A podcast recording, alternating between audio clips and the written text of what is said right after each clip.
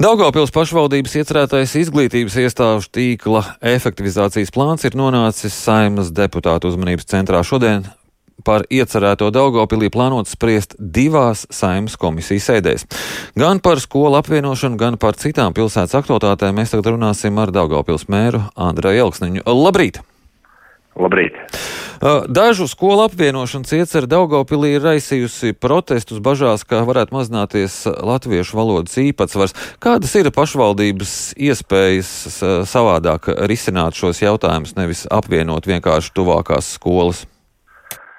Nu, Pirmkārt, ir jāatzīst, ka visas skolas pēc izglītības reformas ir latviešu. Un runa par to, ka latviešu valodas īpatsvars varētu tikt samazināts vai arī jebkāda veida apdraudēts, ir absolūts izdomājums, jo bērni mācās vidusskolās, ir īpaši mums latviešu valodā, savukārt mazākumtautību skolās vēl jau vairāk tiek ieviests arvien vairāk un vairāk grupiņu, kuri jau sāk mācīties uzreiz latviešu valodā. Un šajā sakrā galvenā problemātika Daugopilī, kura netika risināta vismaz desmit gadus un par kuru tikai un vienīgi tika diskutēts, ir samazināts bērnu skaits. Un šajā ziņā Daugopils to tik vien dara, kā seko līdzi ministru kabineta noteiktiem kritērijiem gan attiecībā uz finansēšanas nākotnes modeļiem, gan arī attiecībā uz skolēnu skaitu, vidusskolā, kas ir noteikts uh, valsts pilsētām 120 bērni, gan arī uh, kvalitatīviem rādītājiem attiecībos centralizēto eksāmenu rezultātiem. Līdz ar ko šajā gadījumā Daugavpils ir likuma paklausīga valsts pilsēta, kur arī seko uh, paredzētiem regulējumiem. Es saprotu, ka tās lielākās diskusijas ir par 12. un 10. vidusskolas apvienošanu.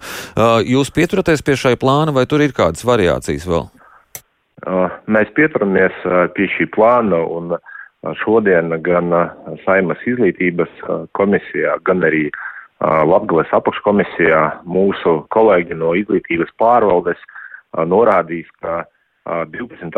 vidusskolas nākotne ir apdraudēta, jo tā vienkārši var kļūt par pamatskolu. Un šobrīd tas, ko dara Daugotos, ir glābt vienu no vidusskolām, lai to nesagaidītu pamatskolas liktenis. Un mēs šo jautājumu jau esam izrunājuši arī ar izglītības un zinātnes ministriju, un mūsu galvenais uzdevums ir šo skolu stiprināt, un šāds ir arī mūsu plāns, ko mūsu kolēģi stādīs šodien priekšā. Bet laikam jautājums jau arī par to, cik vispār daudz skolotāju Daugopilī var nodrošināt kvalitīvu mācību procesu valsts valodā. Kāda ir situācija? Daugopilī situācija ir pietiekami laba, neskaitot, protams, atsevišķas specializācijas un skolotāju trūkums ir izjūtams visā valstī. Bet, nu, ziniet, pirms spriest par skolotāju pietiekamību, tad vajadzētu to darīt pirms ieviest kāda veida reformas valsts līmenī. Jo citādāk mums vispār ir jāatzīst, ka izglītības process skolās nav pietiekams, bet to neviens ne, ne, negrasās darīt, ne, ne arī tam kādam pietiks dosmes, jo uh, tiešām ar skolotājiem tuvākajā laikā būs lielas problēmas un kā reiz arī šāda veida efektivizācija, apvienojot skolas, nevis slēdzot, ir arī viens no risinājumiem, pie kā mēs esam nonākuši ilgu diskusiju rezultātā.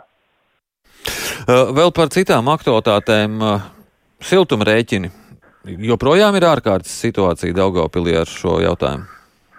Dagopils eh, ir bijusi viena no eh, pilsētām, kura izsludinājusi enerģētisko krīzi, eh, ņemot vērā būtisku dabasgāzes cenas kāpumu. Un šobrīd, tā skaitā arī pateicoties ar valsts atbalstu, ir ieviesta mediāna kā sava veida līkne, virs kuras tad attiecīgi iedzīvotājiem tiks kompensēts dabas gāzes sadārdzinājums iedzīvotājiem aciņos. Un šobrīd 68 eiro par megawatu stundu, visu, kas ir pāri tam, notiek, tas tiks kompensēts, un mūsu skatījumā enerģētiskā krīze ir saistīta nevis, piemēram, ar energoresursu pieejamību vai nepieejamību biržā par brīnumainām cenām, bet gan sakarā ar iedzīvotāju spēju to samaksāt. Un uh, šobrīd uh, pirmie nu, tādi smagāki rēķini, uh, ko mēs esam līdz kuriem mēs esam noturējuši, nāks marta sākumā, un tad mēs attiecīgi arī varēsim vērtēt, vai iedzīvotāji spēj maksāt viņus, un tad arī mēs skatīsimies par iespējamo enerģētiskās krīzes atcelšanu. Kādas ir pašvaldības iespējas atbalstīt iedzīvotājus?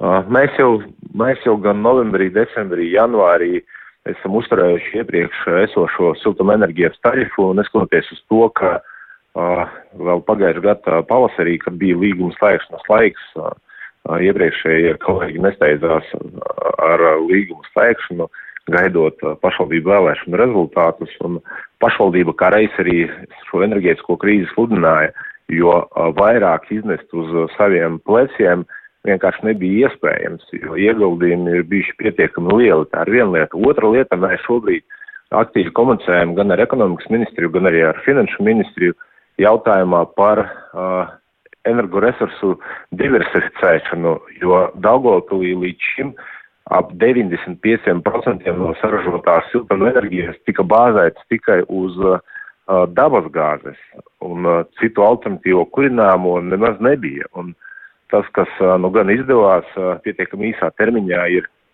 pieņemt eksploatācijā jaunu uh, šķeldu katlumāju, kura palīdzējusi tarifu samazināt no uh, drastiskajiem tiem 150 eiro līdz 92. Un šobrīd mēs risinām jautājumu par vēl vienas šķeldu katlumājas būvniecību pilsētā, lai varētu pie svārstīgām energoresursu cenām izvēlēties to energoresursu, kurš varētu būt lētāks un pilsētā izdevīgāks. Bet tad pilsētai par to nebija jau laikus jārūpējās, lai.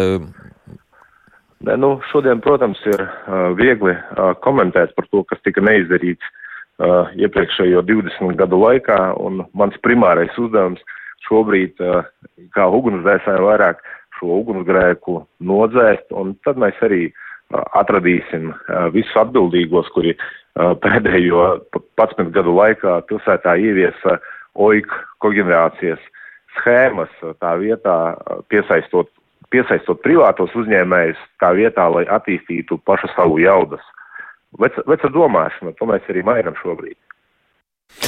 Bet daudz iedzīvotāju šobrīd pašvaldībā prasa kādus atbalstus, pabalstus.